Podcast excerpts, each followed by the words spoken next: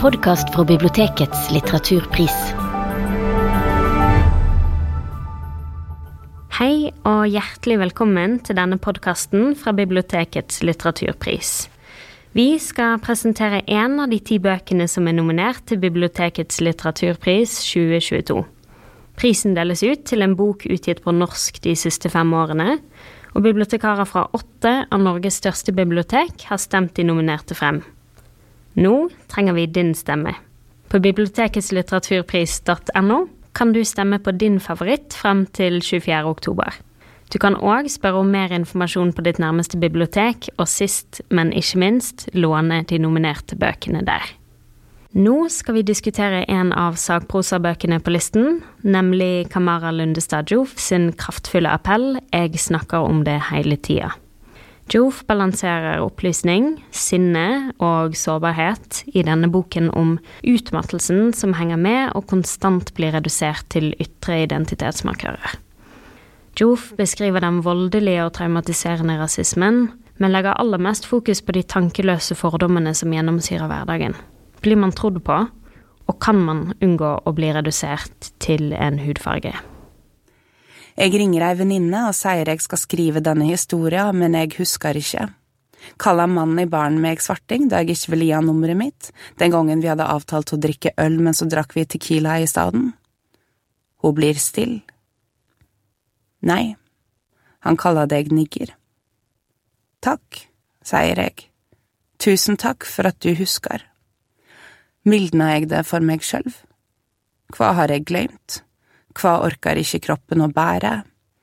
Pulsen aukar når jeg tror jeg husker feil, korleis skal noen tru meg når jeg husker feil?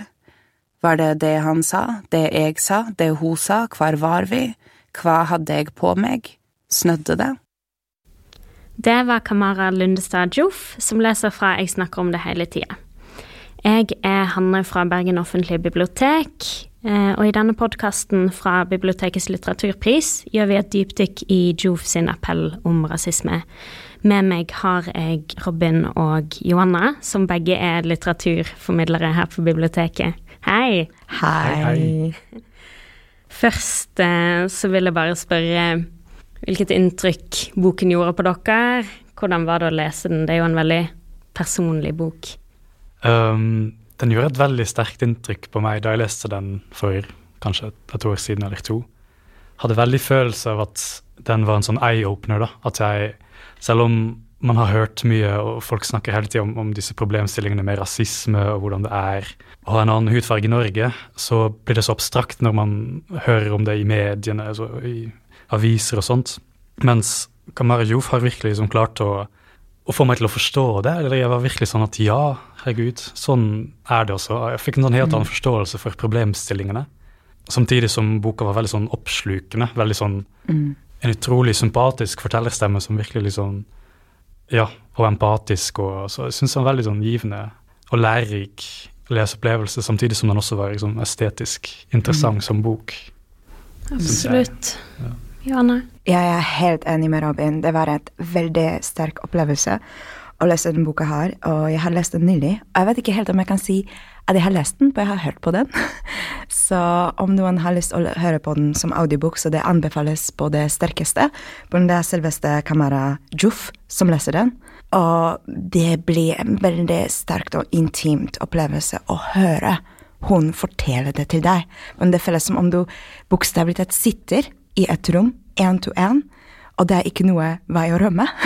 Du må få eh, det hun sier, inn til deg, og bare den sammen med henne. Jeg tenker å bare den, det hun sier, og ta det inn, og virkelig reflektere hvordan vi vi som er hvite, ikke sant, vi mm. får aldri forstå det helt, hvordan eh, folk med mørk hud opplever verden, og få den servert på en sånn veldig personlig og sterk måte det var virkelig, eh, som du sier, Robin, eye-openende. Mm.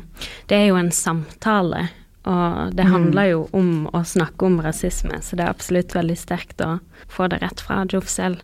Og noe jeg tror også stikker seg ut, som du var litt inne på, Robin, er det at den takler ikke bare den ekstreme formen for rasisme som vi også vet at eksisterer, mm. men mer den hverdagslige slitasjen som skjer med å bli påminnet om dette ytre igjen og igjen, som aldri er alt man er.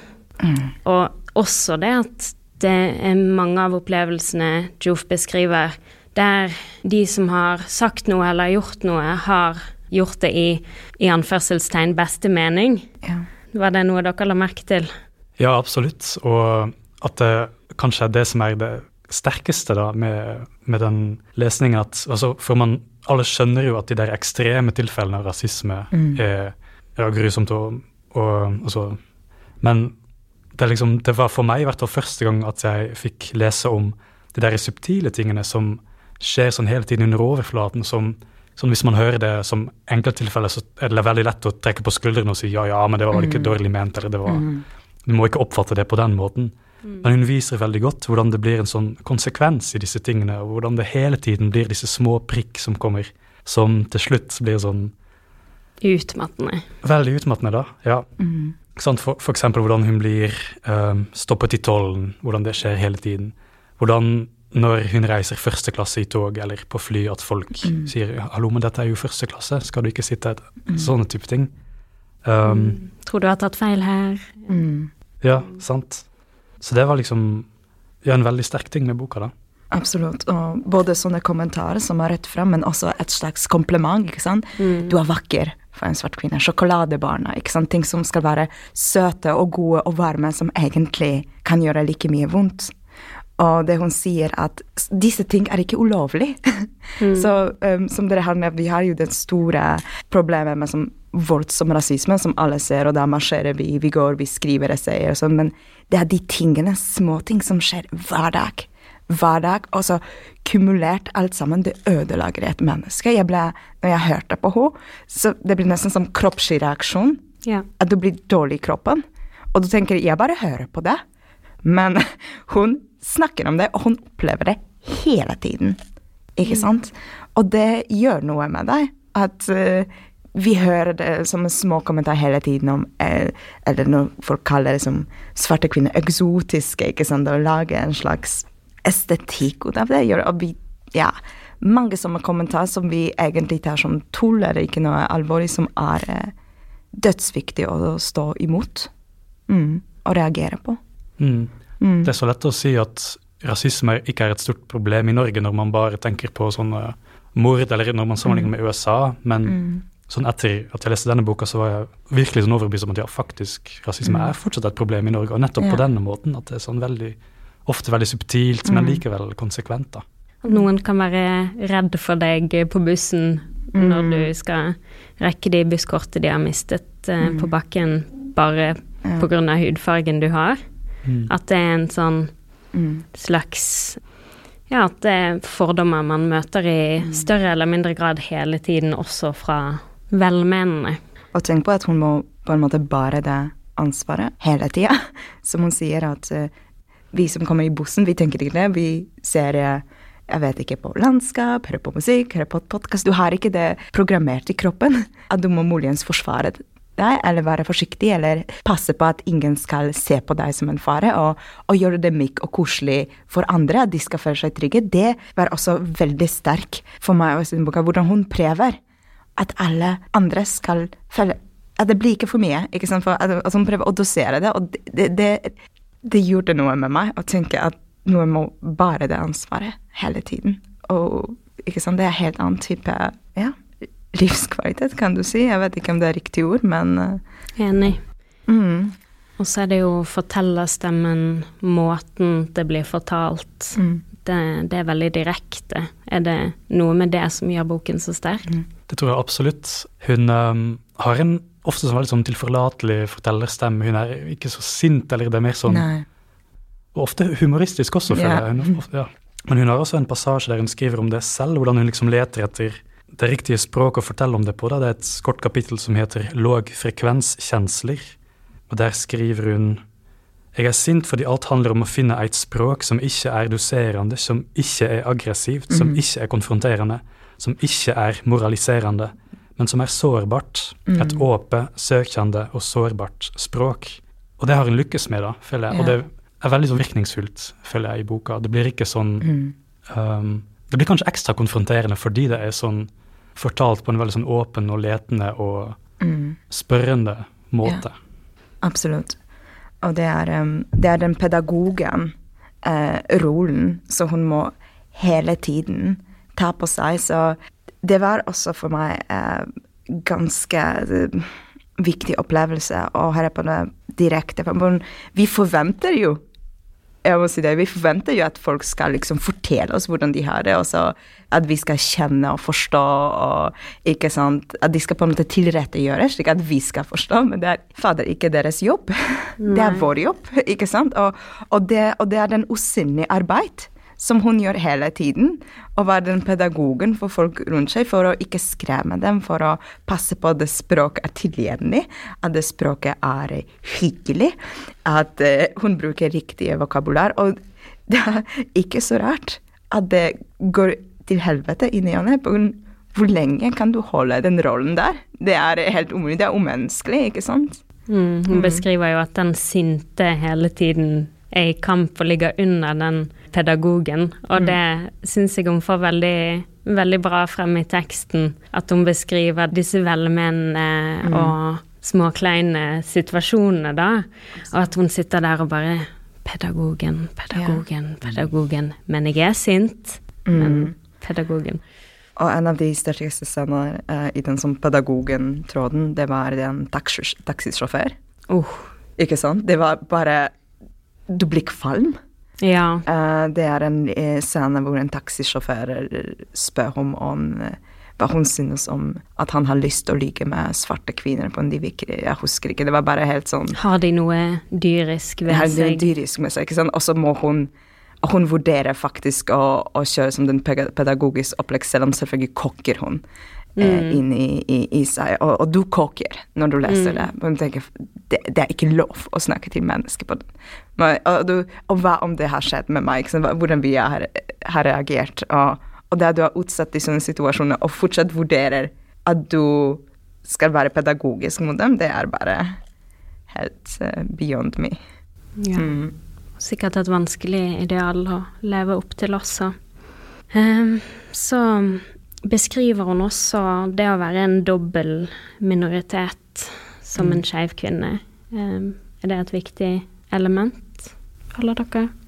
Det blir vel ikke um, gjort så veldig mye ut av det i boka, da, men det ligger der, føler jeg, som likevel en, en relevant opplysning. da, og Hun ja. beskriver jo seksuelle møter med andre, um, der dette med rasisme også er en faktor. da, Og det syns jeg også er en veldig fin ting at hun tar opp i boka, hvordan rasistiske fordommer spiller inn i seksualiteten, da, og hvordan det blir veldig vanskelig å, å forholde seg til det. da, liksom, Ligger denne kvinnen med meg fordi hun syns Ja. det er eksotisk å ligge med en svak kvinne? eller så Ja. det blir jo veldig vanskelig, da.